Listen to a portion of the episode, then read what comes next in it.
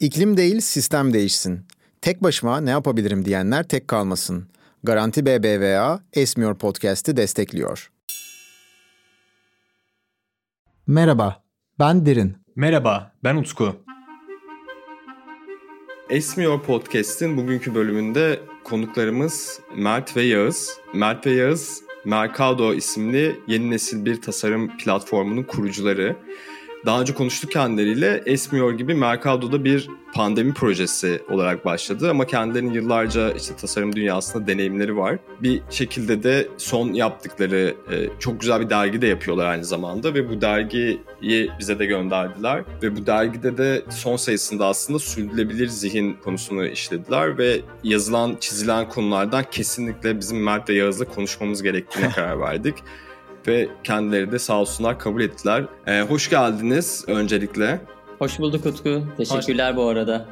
Evet teşekkürler. Hoş bulduk. Süper. Şimdi Mercado'ya bakarken ben ismi nereden geliyor diye düşünürken işte Mert hani orada Yağız, Mert bir şey mi var? Hani böyle bir kelime oyunu mu var falan diye düşünüyordum.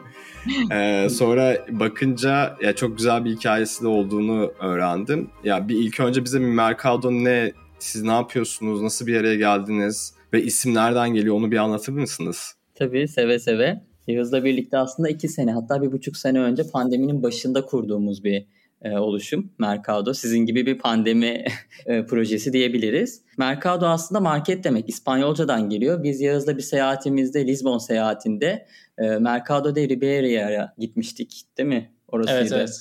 Ee, orada ilk bu fikir aklımıza geldi. Belki bilenler vardır gidenler. Orada Time Out Market aslında. Şehrin böyle gözde restoranlarının pop-up versiyonlarının bir araya geldiği bir market. Ama e, aynı zamanda e, bir sosyalleşme alanı, sosyal etkileşim alanı. Çünkü orada herkes istediği restorandan e, yiyeceği içeceğini alıyor ve ortada bir araya gelip birlikte yiyorlar. Biz de dedik ki bu ilhamla aslında yola çıktık. Neden bunu aslında bir tasarım sanat dünyası için e, bir platform haline getirmeyelim? E, çünkü aslında biz ikimiz de tasarımcı kökenliyiz ve tasarım dünyasında her şey çok sektörel. Özellikle de ülkemizde. Mimarlar çok kendi içerisinde, işte yine sanat dünyası çok kendi içerisinde. Biz de böyle bir multidisipliner bir içerik platformu oluşturma fikriyle ilk olarak ortaya çıktık. İlk önce bir web sitesiyle başladık. E, güncel hem dünyadan global hem de yerel sanatçıları, tasarımcıları görünür kıldığımız bir platform kurduk, içerik platformu. E, daha sonra da işte bu süreç podcast serileri ve dergiyle devam etti. Evet bu e, çıkış noktamız olan aslında Mercado de Ribeira'da nasıl farklı üreticiler e, farklı yemeklerini oraya özgü e, özgün işlerini çıkarıp sunuyor ve işte açan bir ortam varsa biz de aynı şekilde farklı alanlarda yaratıcı üretim yapan tasarımcılar, sanatçıların bir araya geldiği, bu üretimlerini sunduğu ve insanların buradan orada iştahlandığı gibi burada da ilham aldığı bir platform olsun istedik. Aslında böyle bir paralellik var. E, o yüzden isim de bu şekilde ortaya çıktı. Hatta mottomuz da taze ilham diye oradan geliyor. Market fikrinden geliyor. Taze ilham dediniz. Ya çok doğru çünkü interdisiplineri bir çalışma. Ya çünkü Sürdürülebilir Zihin dergisini gönderdiğinizde ve işte ben böyle incelediğimde gerçekten bana da ilham oldu birçok konuda. E, zaten bizim de e, hasbelkader işte iklim krizi ve sürdürülebilirlik üzerine konuşmaya çalışıyoruz bu podcast'te. E, o yüzden hani ilham alıp üzerine düşündüğümüz bir sürü şey oldu. Aslında biraz da onlar üzerine bugün konuşmak istiyoruz sizle.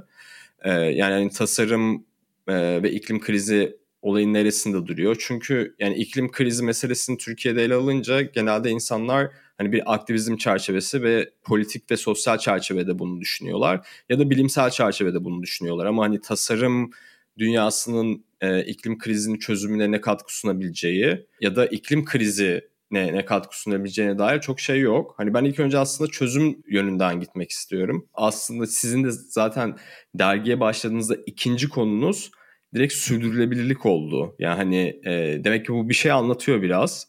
E, demek ki tasarım ve sanat dünyası da şu anda e, ana konularından bir tanesi bu diye düşünüyorum. Yani o dergiyi oluştururken konuştuklarınızdan yani gerçekten bizim düşündüğümüz gibi mi? Yani gerçekten tasarım dünyası bu konuyu önceliyor mu?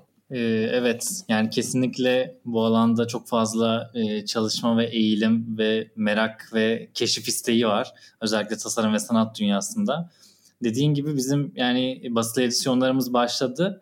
ilk edisyonumuzun e, temasında birazcık daha kendimizi anlattık ama ikinci edisyonda aslında e, sürdürülebilirlik temasını çok kaçınılmaz olarak seçtik. Çünkü şu an e, iletişime geçtiğimiz bütün e, yaratıcı sektörlerden tasarımcılar, sanatçılar, farklı alanlarda üretim yapan insanların en çok dikkat ettiği konulardan biri. Kafa yorduğu, e, özel projeler geliştirmeye çalıştığı veya kendi üretimlerini buna uydurmaya çalıştığı konulardan biri.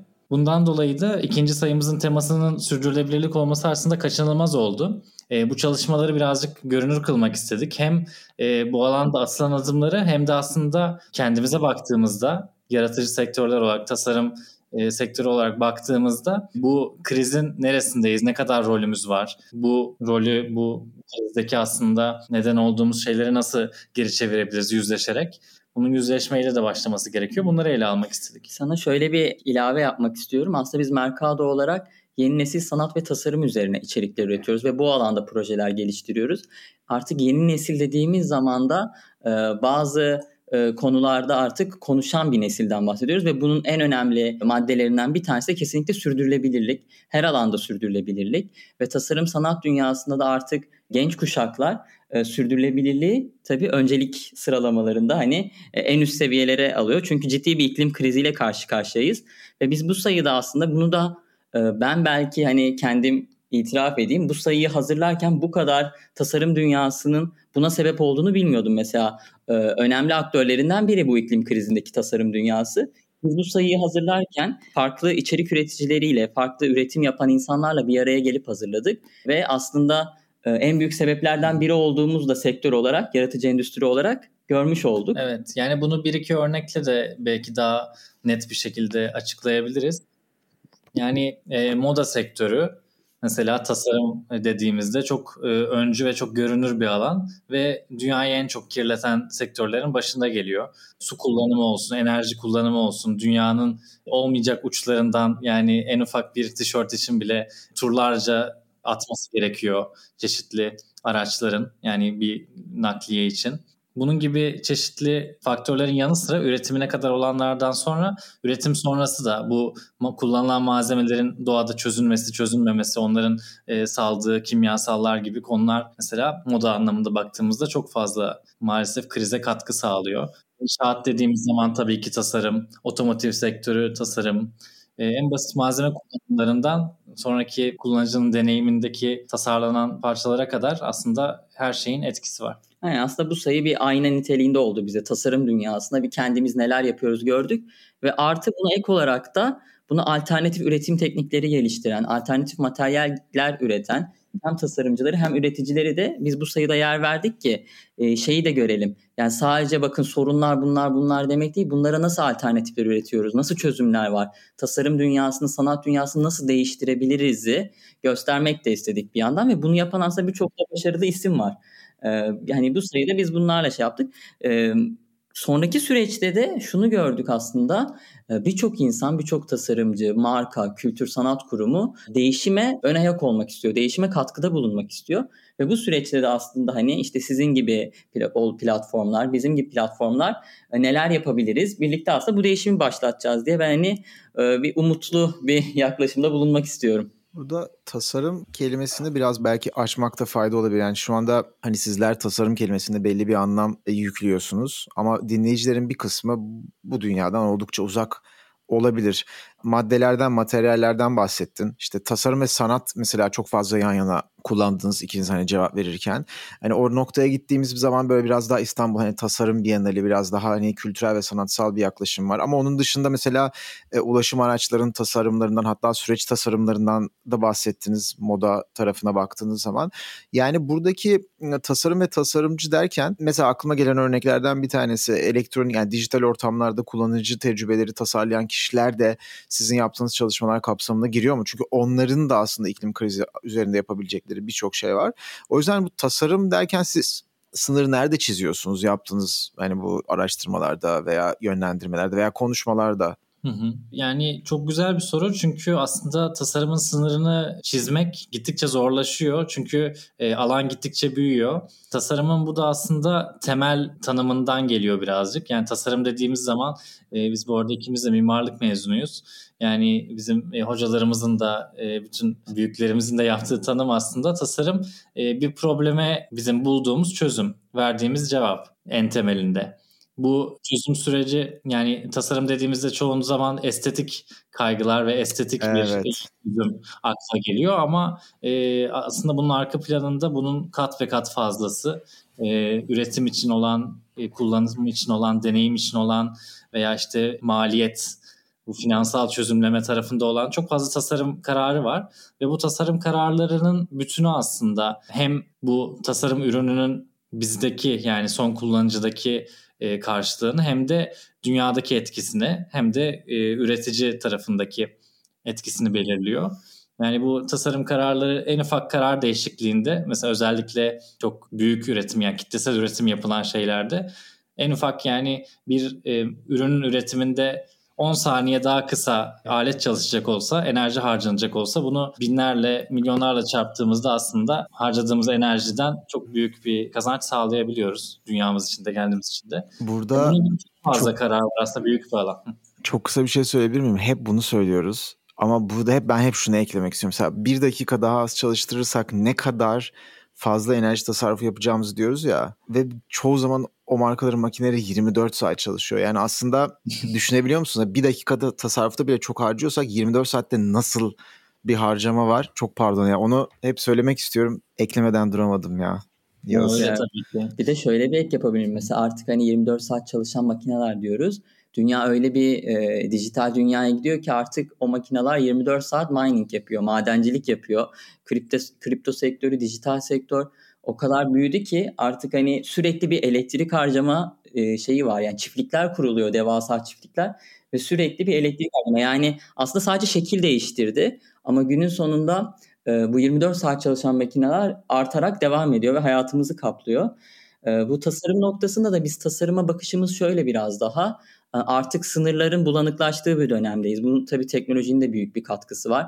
Artık tasarımcılar sadece salt tasarımcı değil, sanatçılar sadece salt sanatçı değil. Daha farklı bir duruş var. Özellikle yeni nesil bu konuda farklı bir duruşu var. Daha çok çok yönlülük var. Biz o yüzden bu dönemi aslında yeni Rönesans çağı diyoruz. Eskiden işte Rönesans'ın Fransa'da başladığı bir e, bildiğimiz klasik Rönesans vardı. Şimdi artık o Silikon Vadisi'nden başlayan yepyeni bir Rönesans çağı var. Daha teknoloji devlerinin yönettiği, tasarımcıların bir yandan sanatçı olduğu, bir yandan e, büyük e, tasarımlar yaptığı, işbirlikleri geliştirdiği çok yönlülük var. O yüzden hani çok da sınırlardan bahsetmek zaten aslında yeni nesil için sınırdan bahsetmek yanlış bir tanım. Çünkü artık yeni kuşaklar etiketleri, sınırlamaları ya da tanımlamaları kabul etmediği için onlar böyle internet gibi sonsuz, sınırsız bir yerde büyüdüler. Ee, o yüzden artık tasarımın da sınırı olduğunu çok düşünmüyoruz. Ama en temelinde tabii bir probleme çözüm üretmek ve tabii bu probleme çözüm üretirken de işlevsel, estetik gibi birçok hani e, kaygıyı da göz önünde bulundurarak çözüm üretmek tasarımın temeli. Ee, ama tabii geniş bir alan yani modadan otomotiv sektörüne e, işte en basitinden bir ürün tasarımından deneyim tasarımına, UX UI'ye kadar çok geniş bir spektrumu var. Ee, UX UI nedir tam olarak? E, yani kullanıcı deneyimi. Kullanıcı deneyimi ve kullanıcı şeyi. E, arayüzü demek değil mi? Hani şey bazen böyle şey terim kullanıyoruz sonra şey diyorlar ne ne diyorsunuz acaba falan diye böyle o yüzden araya girmek istedim. Bu arada benim dediğiniz nokta çok hoşuma gitti. Hani tasarım deyince herkesin aklına hani sanat ve estetik geliyor. Ama aslında çok e, günlük yaşamda kullandığımız ürünlerin de nasıl e, tasarımlarla değiştiği ve fikirlerle değiştiğini çok iyi biliyoruz ve hatta krizlerle değiştiğini çok iyi biliyoruz. Benim aklıma şunu getirdi. Hani böyle biraz iklim krizine de bağlayacağım buradan. Şu anda kullandığımız ısıtma sistemlerinin, işte kalorifer peteklerinin dizaynı ya da işte şu anda kullandığımız banyo ve mutfakların dizaynının İspanyol gribinden sonra geliştiği. Çünkü temizlemesi daha kolay tasarımlar, işte mikrop birikmeyen tasarımlara doğru bir e, shift oldu. Daha önceki yani İspanyol gribi ne zaman oldu? Yani Birinci Dünya Savaşı'ndan sonra 1914'den sonra yapılan tasarımların işte bu arası delik petekler var ya ben hep derdim ki hani ne mana yani hani böyle petek sonradan bu İspanyol gribinde işte hani şeyler birikmesin, kirler birikmesin diye o şekilde tasarlandığını görüyoruz. Yani büyük bir kriz aslında büyük bir insanlık tarihindeki shift bütün tasarımı günlük olarak kullandığımız şeylerdeki tasarımı değiştirmiş. Yani şu anda bizim bildiğimiz banyo yani banyo deyince hani aklına başka bir tasarım gelmiyor değil mi? Hani lavabo var bilmem ne var ama eskiden öyle değildi. Yani daha böyle Victorian tasarımlar belki daha şatafat tasarımlar ama daha basit yerlere gitti. Ee, ben de hani o yüzden iklim krizi meselesinde de hani belki şu anda hani bizim tamam hani bunu böyle kullanıyoruz dediğimiz birçok şeyin değişeceğini düşünüyorum e, açıkçası. Hem günlük olarak kullandığımız ürünlerde hem de mesela etkileşim biçimlerimizde hani şeyden bahsettik işte yani mesela işte bize zoomer diyorlar ya şimdi hani biz de bu kaydı bile hani internet üzerinden yapıyoruz. Hani bu bu yaklaşımımız bile değişti ve bu sefer hani dijital dünyada bir şeyler tasarlamaya ve dijital dünyada etkileşime geçmeye başladık. Neydi? Pandemi bunu tetikledi. E, ama hani iklim krizi de belki buna başka yönlerden katkı sağlayacak diye düşünüyorum. Siz ne düşünüyorsunuz o konuda? Yo evet e, kesinlikle katılıyorum. Yani bu e, dediğin İspanyol gribinin e, şekillendirdiği çeşitli tasarım kararları aslında günümüzde de e, iklim krizi ve kaynakların e, tükenmesiyle yani daha kritik noktalara gelmesiyle aslında aynı etkiyi vermeye başladı. Bizim işte çeşitli e, bir araya geldiğimiz büyük markalar var. Yine sıhhi tesisatla ilgilenen bir marka global anlamda. E, yine banyo deyince aklıma geldi. Bütün e, su kullanımı ile ilgili geliştirdiği işte ARGE çalışmaları, çeşitli e, iyileştirmelerle aslında bütün dünyaya sattığı bataryaları, lavabolarda kullandığımız, duşlarda kullandığımız bataryaların içindeki sistemi değiştirerek su kullanımını çok ciddi anlamda azaltabiliyor. Yani burada büyük aktörlerin önemi çok fazla oluyor. Çünkü zaten büyük kitlelere ulaştıkları için onların e, ürünlerini geliştirmesi. Bu bakımdan da işte biz bilinçlendikçe işte biz tasarım sanat dünyasında bunu görüyoruz daha çok o alanda e, ilgilendiğimiz için ama her kesimde aslında olan bir bilinçlenme, farkındalık düzeyleri çok hızlı ve köklü bir şekilde artıyor günümüzde yeni nesillerde özellikle. Ve bu farkındalığı ve e, duyarlılığı gördükçe aslında büyük aktörler de bu adımları atma mecburiyetinde kalıyorlar ve bu şekilde aslında bir değişim başlıyor, ilerliyor. Evet ama çok daha büyük sıkıntılar var. Mesela bu hani İspanyol gribi vesaire çeşitli hastalıklardan sonra e, bir sterilizasyon sorunu var dünyada ve bunun içinde aslında plastik bir ma- bir malzeme üretilmiş. Aslında mesela üretilen bir malzeme ve biz bunu mesela çok yakın tarihte pandemi sonrası yaşadık. E, işte tek kullanımlık plastik çöplüğüne döndü dünyamız.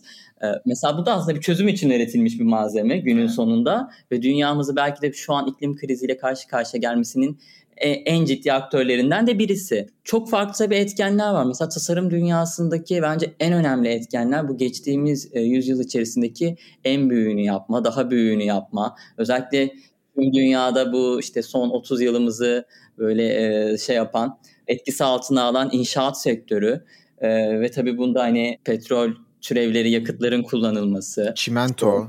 Gibi gibi gibi. Yani o kadar çok sebebi var ki tasarım dünyasının birebir de hani birinci derece temas halinde oldu ve hepsi aslında bir çözüm üretmek odaklı yapılan şeyler. İşte o toplu konutlar çözüm üretme odaklı vesaire vesaire. Ama şimdi geldiğimiz noktada işte dediğim şey şu yeni neslin buna bakış açısı çok farklı.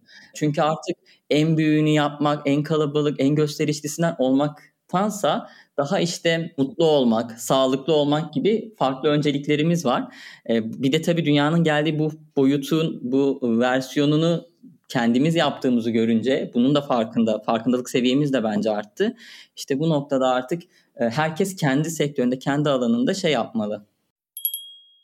Garanti BBVA, kurucusu olduğu Salt'ın iklim değişikliğinin etkilerine dikkat çekmeyi amaçlayan bu son şansımız mı gösterim programını destekliyor. 7 farklı ülkeden belgesel filmleri bir araya getiren 2024 seçkisi 29 Şubat ila 24 Mart tarihlerinde Salt Beyoğlu'ndaki açık sinemada ve saltonline.org'da izleyicileriyle buluşuyor. Gösterimleri kaçırmayın. Detaylı bilgi için saltonline.org'u ziyaret edebilirsiniz. Ee, ya şeyde bu yalnız anlattıklarınızda çok katılıyorum. Ama plastik noktasına geldiğimiz zaman şunu da unutmamak gerekiyor. Plastiği çıkartırsan tek kullanımlık plastikleri bir kenara bırakıyorum. Onlar zaten hala 21. yüzyılda nasıl olduğunu anlayamadığım şeyler ama plastiğin alternatif olarak getireceğin her şey genelde daha ağır, daha çok enerjiyle üretiyorsun ve doğal kaynakları çok ciddi biçimde kullanman lazım. İşte metalde, kağıtta veya ahşapta falan bunları görüyorsun. Aslında bu da bizi birazcık hani sorunun kökeninde yani ihtiyacımız olmayan çok fazla şey mi tüketiyoruz? Aslında tüketimcilik mi sorun? Yani hani tüketimimizi %80 indirdiğimiz zaman o geri kalanı zaten başka materyallerden üretebiliriz mi? Bir de yani böyle bir konu var. Bir de hani büyük markalar da bu konuya yöneldi derken işte bir ARGE çalışmasından bahsettiniz. Aslında bunların bunlar da birazcık işte farklı materyaller kullanmak veya ARGE çalışması yapmak, bu konuda mühendisler çalıştırmak, eski usul yöntemleri değiştirmeye çalışmak, belki yeni kalıplar döküyorsun vesaire. Bu da ürünün maliyetini arttırıyor. Hani sizde de konuşurken şeyden bahsetmiştiniz ya yani bu konular e, birazcık aslında lüks mü yani çevreye duyarlı yani lüks artık yeni lüks eşittir çevreye duyarlı mı demek? Bir de bu konudaki hani fikirlerinizi bir sorayım diyecektim. Bence çok haklısın. Gerçekten e, bu özellikle son gelişmelerde, son e, iletişimlerde yeni lüksün tanımı çok değişti ve çevreye duyarlılık, e, dünyaya saygılılık daha e, lüksün yeni tanımı olmaya başladı. Bununla ilgili çok fazla örnek görüyoruz. Ve aslında evet sonunda zaten her zaman tüm konularda yani bu malzeme üretimi de olsa enerji tüketimi de olsa iklim krizine neden olan tüm konularda dediğin şeye geliyoruz. E, ihtiyacımızın fazlasını tüketme noktasına. Yani biz zaten artık e, geri dönüşüm aşamasını çoktan geçtik dünya olarak. Bunu e, çok fazla konuşuluyor. Yani biz geri dönüşümlü ürünler kullanmak veya işte kullandıktan sonra geri dönüşüm kutusuna atmak artık dünyamızın çözümü değil. Bu çoktan geçti. Artık yani bunu baştan tüketmemek kesinlikle çözüm. Ve bunun için de aslında lüks birazcık daha ön plana çıkmaya başlıyor. Çünkü e, lüks kendini kullanat olmayan, yıllarca kullanılabilen, yenisinin üretilmesine fazla ihtiyaç duymayan bir şey olarak tanımladığı noktada zaten aslında sürdürülebilirliğe de çok paralel gitmeye başladı. O yüzden bu iki kavram artık birazcık birlikte alınmaya Aynen. başladı. Mesela bir örnek de verebiliriz tasarım dünyasında özellikle bu lüksün değişimi noktasında ne zaman iki hafta önce bir Londra seyahatimiz oldu. Orada Tom Dixon stüdyoya uğradık. Tom Dixon'ı belki e, bilenleriniz vardır. Bilmeyenler için hani e, endüstri ürünleri tasarımında, mobilya tasarımında gerçekten hani dünyadaki en lüks markalardan birisi Tom Dixon. Ve artık Tom Dixon e, Hydro Chair isminde bir tane mobilya üretmeye başladı. Ve bu Hydro Chair aslında Tesla'nın kullandığı alüminyumun artıklarından üretilen e, malzemeyle yapılıyor. Ve artık hani şunu kabul etmemiz gerek gelecek yüzyılda çevre dostu aslında teknolojilerin birçoğu alüminyum kullanıyor. Ya bu ciddi olarak işte rüzgar güllerinden tutun e, birçok farklı teknolojiye kadar alüminyum kullanılacak ve bizim aslında bu endüstri atıklarını değerlendirmemiz gerekiyor. Çok ilginç bir nokta mesela. Ee, hani biz hep şeyi düşünüyoruz işte plastiği vesaire ama çok ciddi bir endüstri var orada e, endüstriyel atık var ortada ve bunları da aslında değerlendirmemiz gerekiyor. Çünkü bunlar da çok ciddi bir zarar veriyor dünyaya. E, mesela bununla bir koleksiyon çıkarmış ya da yine aynı şekilde Tom Dixon mantar malzemesini kullanmış. Yani yüzyıllardır aslında hayatımızda var olan mantarı bir mobilya koleksiyonu yapmış ve aslında yeni lüks olarak tanıtıyor. E, bunun gibi birçok örnek var sektörde. Ama tabii Tom Dixon gibi e, öncüler olması gerekiyor. Yani bu tür e, dünyada işte e, büyük markaların ya da işte e, gerçek lüks olarak tanımlanan stüdyoların e, bu tür adımlar atması gerekiyor. Ya burada aslında şuna geliyor hani bu İspanyol gribinden de bağlarsak ve neye dedin ya aslında bazı tasarım çözümleri de belli bir soruna çözüm üretmek için oluşturuldu. Ama aslında sorun yarattılar. Burada aslında sosyal olarak neyi sorun olarak gördüğümüz de çok önemli değil mi? Hani yani ben iklim krizinin gerçek bir sorun olarak görüyorsam kesinlikle yani eksenime bunu oluyorsam buna yönelik çözümler üreteceğim. Yani hani overpopulation'ı ya da işte insanlara daha ucuza bir şeyler ulaştırmayı değil, iklim krizi ve sürdürülebilirlik sürdürülebilirliği eksenime alıyorsam o yüzden ona göre hareket ederim gibi bir durum var e, ortada ve galiba yeni tasarım çözümlerinde de bu eksen var gibi geliyor bana. Evet kesinlikle yani bu zaten tasarımı tanımlarken hani bir probleme e, bulduğumuz çözüm dediğimiz noktada problem değişiyor. Günümüzün temel problemi de aslında bahsettiğin konular. Bundan dolayı e, günümüzün tasarım tırnak içinde trendleri, e, yeni eğilimler ve araştırmalar hep bu yöne gidiyor. Yani mesela şu an tasarımda en büyük trend yerellik, lokal olmak.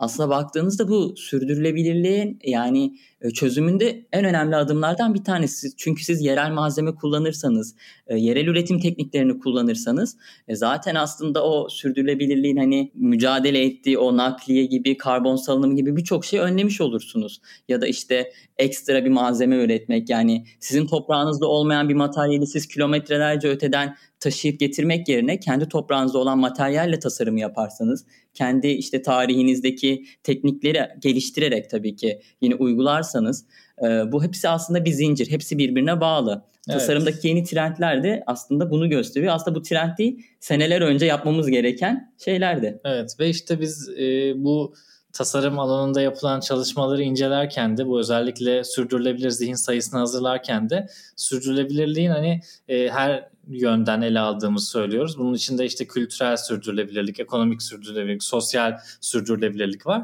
Ve bu bahsettiğin lokallik tarafından baktığımızda mesela bunların hepsinin bir arada olduğunu görüyoruz.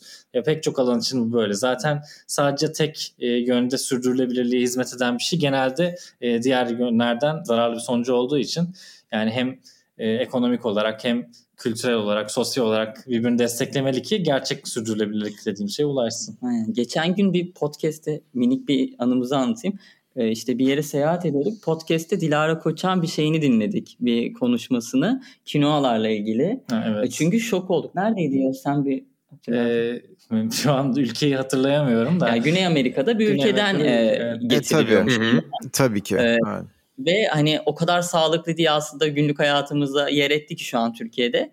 Oysa ve bütün dünyada aslında. ve bütün dünyada ve o ülkenin ana besin kaynağıymış kinoa ve kinoa ülkede sadece dışarı e, gönderildiği için, evet, ihracatı yapıldığı için e, ülkede yerel halk ana besini olan kinoayı kullanamıyormuş, yiyemiyormuş. Orada e, gıda krizi başlamış halk arasında. Ve biz hani oradan o kinoayı buraya getirmek için inanılmaz e, bir karbon salınımı gerçekleştiriyoruz. Üstüne sağlıklı diye bir gıda krizi de yaratıyoruz. Aslında hepsi birbiriyle zincirli. Yani yerel olmak yani farklı bir kategori. Gıda e, gözünden baktığımızda da aslında çok büyük sorunlara yol açıyor. E, o yüzden hani bu yeni trend dediğimiz yerellik ve sürdürülebilirliğin bence anahtar kelimelerinden bir tanesi. Peru galiba değil mi? Evet, evet, Peru. Evet, Peru. evet ya Güney Amerika'nın işte o, o yani oranın temel grain şey yani diğer taraflarda arpalar, buğdaylar, pirinçler vesaire olurken Güney Amerika coğrafyasında maalesef sadece o yer olarak yetişen bilgi yani az belge ya belge ne ya? Yemek gıda. Mesela bir örnek daha vereyim tasarım materyali olarak. Çok güzel bir örnek. Totomoxel diye bir materyal var. Ee, mısır kabuğundan üretiliyor mesela ve e, bunu Fernando Lapozzo isminde bir tasarımcı ciddi anlamda e, kendi tasarım pratiği haline getirmiş. O Meksikalı bir tasarımcı mısır kabuğunu kullanarak bir materyal üretiyor ve bunu artık o kadar büyük bir ekonomi haline getirmiş ki hem büyük kendi ülkesindeki mısır tarlalarındaki atıkları değerlendiriyor hem de bir yandan da e, bu yeni materyalle üretimler yapıyor ve kendi yerel halkına da istihdam sağlamış durumda. Ya bu arada hani vaktin sonuna gelirken şeyi soracaktım. Yani hani biraz aslında bağladınız siz sürdürülebilir zihinle. Ee, biz böyle Utku'yla bu yola çıktığımızdan beri hani sen ne yapıyorsun? Davet ettiğimiz konuklar iklim krizine ilişkin sen neler yapıyorsun? Nasıl ilham verebilirsin diye soruyorduk ama biraz daha genel soralım. Yani tasarım dünyası sizce iklim kriziyle mücadelede onun etkilerini önleme tarafında neler yapabilir? Nasıl ilham olabilir? Nasıl süreçlerini değiştirebilir? Yani sonuçta Utku'nun da bahsettiği sürdürülebilir zihinde aslında siz bunu çok net biçimde işliyorsunuz. Ama herkes okuma fırsatı olmadı. Birazcık da onlarla da hani o bilgiyi paylaşalım. Şöyle bahsedebilirim. Yani e, tasarım dünyası aslında gözle görülen, görülmeyen e, pek çok şekilde hem iklim krizine karşı bir adım atabilir hem de ilham verebilir. E, gözle görülmeyen tarafta yani bu tasarım ürünler dediğimiz aslında bahsettiğimiz gibi her şeyi kapsıyor. E, bunlar son kullanıcıya ulaşana kadar olan süreçteki e, üretim süreçlerini tasarlayarak, malzeme seçimlerini yaparak, çeşitli işte üretim tekniklerini, işlenme, o malzemelerin işlenme şekillerini tasarlayarak hem e, enerji hem işte bunların e, nakliyesi gibi konuştuğumuz konularda çok fazla bir katkı sağlayabilir e, bu çözüme yönelik. Sonrasında da farklı bir ürünün, farklı bir tekniğin yine hayatımızda e, bizi tatmin edecek şekilde dahil olabileceğini görmek. Yani tasarım ürünlerinin veya işte bu beğeniye, genel beğeniye hitap eden e, arzu nesnelerinin daha sürdürülebilir şekilde üretilebileceğini, bize ulaşabileceğini göstermek anlamında da çok ilham verebilir. Yani bir de şöyle bir şey var mesela. Ee, biz bunu en çok yapmaya çalışıyoruz. Bir yandan ilham vermeye çalışırken bir yandan da aslında uygulamaya çalışıyoruz. Biz bu sürdürülebilir zihin sayımızla birlikte başladık ve yeni artık tüm edisyonlarımızda bunu yapacağız. Karbon pozitif bir sayı ortaya çıkardık. Bizim bir sürdürülebilirlik partnerimiz var. Ee, onunla birlikte biz bu derginin üretiminde kağıdın baskısından nakliyesine kadar tüm süreçte ürettiğimiz karbon miktarını hesapladık ve bir Nori kurumu aracılığıyla bunlar tarım faaliyetleri yapıyorlar. Karbon tutan bitki ekiyorlar sizin için ee, ve bu işte karbon tutucu bitkilerle sizin o belirlediğiniz miktarda e, sürede karbon offsetleme işlemi gerçekleştiriyorlar. Biz mesela basılı edisyondan tamamen çıkmak yerine biliyorsunuz çünkü ciddi bir aslında karbon salınımı gerçekleştiriyoruz bir yandan. Biz onu çıkmak yerine aslında orada ürettiğimiz karbonu e, hesaplayarak offsetledik ve nötrledik. Hatta pozitif bir edisyon çıkardık ve bundan sonraki tüm sayılarımızda da mesela karbon pozitif olmaya özen göstereceğiz. Yani çözümü göstermek de önemli. Sadece konuşmak değil. Bakın bunun alternatifi bu demek de bence e, en önemli e, yöntemlerden birisi. E, bu arada dergiye ulaşmak isteyenler hani Mercado'nun sitesinde ve zaten Instagram'ı takip edin arkadaşlar. Süper şeyler paylaşıyorlar. Üstüne hani galiba internet sitesinden de sipariş verilebiliyor e, basılı sayı değil mi? Evet. Evet evet birçok fiziksel noktada da varız ama internetten de direkt sipariş verebilirsiniz. Yağız, Mert çok sağ olun tekrar geldiğiniz için. Müthiş bir sohbet oldu. Ve yani bu yolculukta hani böyle aynı tarihlerde çıktık gibi olduğumuz için de böyle ayrı bir yakınlık hissediyorum e, Mercado'ya. E, o yüzden yollarımız daha kesişecek gibi. Evet. evet. Güzel bir arkadaşlığın başlangıcı olmuş olsun. Evet ya değişimi başlatacak olanlar da bizleriz. Yani herkes kendi alanında ne yapabiliyorsa artık çünkü öyle bir noktadayız ki e, bu iklim krizinde artık hani herkesin elin taşın altına koyması gerekiyor. Evet biz de misyonumuzun yanı sıra tanıştığımıza bu güzel arkadaşlığı başlattığımıza da çok memnun olduk. Bize konuk ettiğiniz için de tekrar teşekkürler. Evet teşekkürler. Görüşmek Görüşürüz. üzere. Görüşmek üzere.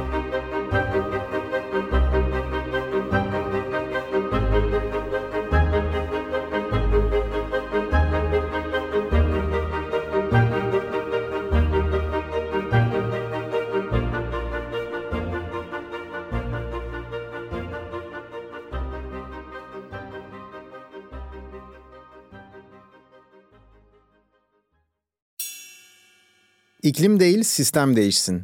Tek başıma ne yapabilirim diyenler tek kalmasın. Garanti BBVA Esmiyor Podcast'i destekliyor.